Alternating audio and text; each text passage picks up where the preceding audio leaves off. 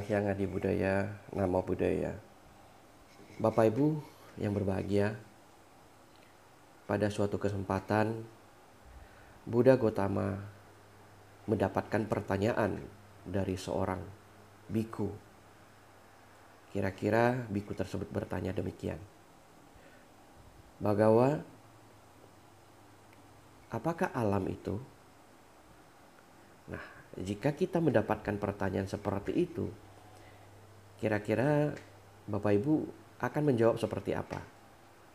Apa yang ada di dalam pemikiran Bapak Ibu?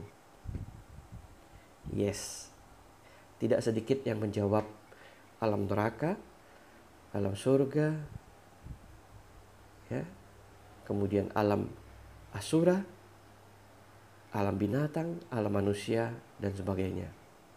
Tetapi tidak demikian yang Buddha menjawab. Jawaban Buddha adalah apa pun yang mengalami perubahan atau lujati itu disebut alam. Lalu pertanyaannya adalah apakah yang mengalami perubahan tersebut saudara-saudara? Bapak Ibu yang berbahagia. Kemudian di dalam Sabah Sutta Buddha menjelaskan yang mengalami perubahan itu adalah yang ada. Kira-kira apakah yang ada itu tidak lain tidak bukan adalah mata bersama wujud, kemudian ada telinga bersama suara, kemudian ada lidah bersama cita rasa, hidung bersama bebauan, kulit bersama sentuhan atau tubuh bersama sentuhan, kemudian ada kekuatan pikiran bersama dengan konsep. Keenam aspek inilah disebut Buddha sebagai yang ada. Ya. Nah, keenam aspek inilah yang selalu mengalami perubahan. Lalu apakah sumber alam itu atau sumber adanya loka? Bapak Ibu, dengan adanya yang ada ini, yang tadi sudah saya sebutkan, ada mata dan wujud, kemudian ada hidung dan bebauan, lidah dan cita rasa, sentuhan atau tubuh dengan sentuhan, telinga dengan suara, pikiran dengan konsepnya, ini selalu mengalami perubahan. Kemudian sumbernya itu gimana? Bagaimana Bapak Ibu? Kemudian di dalam loka Samudaya Sutta, Buddha menjelaskan bahwa sumber loka itu dimulai dari yang ada atau dengan adanya yang ada muncullah kesadaran. Lalu ketiga aspek itu bersama tadi dengan yang ada, kesadaran bersama dengan yang ada tadi itu sebagai prasyarat munculnya kontak. Kemudian kontak sebagai prasyarat muncullah rasa tidak berkecukupan Bapak Ibu. Inilah uh, tahap di mana kita selalu merasa ingin, ingin, ingin yang tiada-tiada hentinya. Kemudian hal ini menjadi prasyarat terbentuknya upadana atau rasa butuh dalam kehidupan kita sehari-hari. Sehingga kemudian rasa butuh ini menjadi dasar daripada terbentuknya bhava atau menjadi. Dalam beberapa, beberapa literatur, bhava juga diterjemahkan sebagai eh, kebiasaan atau sebagai sebuah habit yang kita lakukan berulang-ulang dalam kehidupan sehari-hari sehingga menjadi kristal dalam kehidupan sehari baik aspek pola pikir, baik perilaku maupun tutur kata. Lalu bhava menjadi prasyarat untuk munculnya atau adanya kelahiran atau jati. Dan seterusnya jati atau kelahiran menjadi aspek munculnya penuaan atau kematian jara marana. Kemudian kesedihan, ratapan, penderitaan, kepedihan, keputusasaan. Demikianlah sumber loka yang dijelaskan oleh Buddha di dalam loka Samudaya Sutta yang ada di dalam Sutani Pata.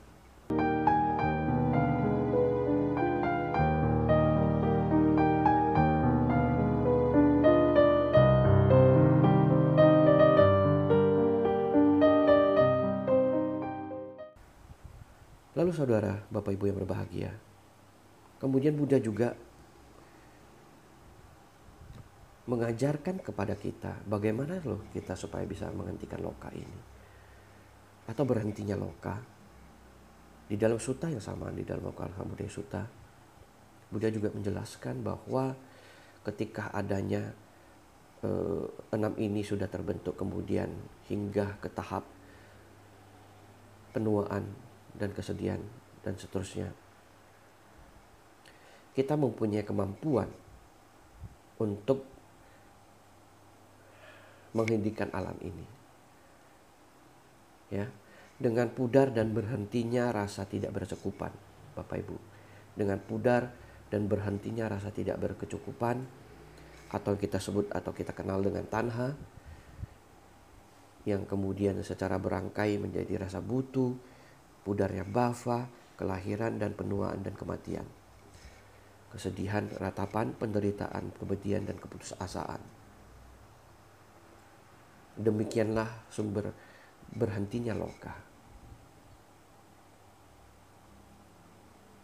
Begitu kira-kira eh, apa yang disampaikan oleh Buddha di dalam Loka Samudaya Sutta. Bapak Ibu di dalam kehidupan kita sehari-hari kita tentu selalu sangat dekat dengan yang ada atau alam ini. Ya, oleh sebab itu ini menjadi eh, proses pelatihan kita dalam kehidupan sehari-hari bagaimana kita seyogyanya eling dan waspada atas stimulus-stimulus ya yang terjadi dalam pengalaman kita. Apa yang kita baca, apa yang kita lihat, apa yang kita dengar, apa yang kita ucapkan, apa yang kita rasakan di dalam tubuh sebagai sensasi, apa yang kita pikirkan di dalam konsep pemikiran kita, sehingga itu tidak menjadi landasan terbentuknya tanha.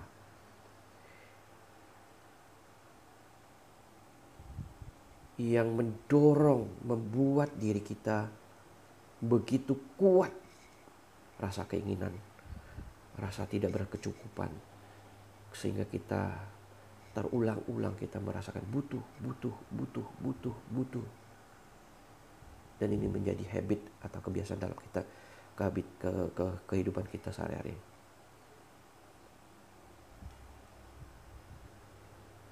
Nah, menjadi tugas kita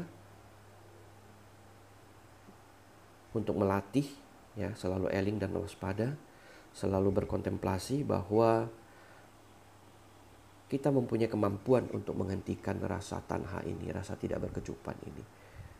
Dengan memperhatikan stimulus-stimulus yang muncul setiap saat. Semoga memberikan manfaat. Sekali lagi terima kasih kepada Kiananda. Salam untuk sahabat Kiananda.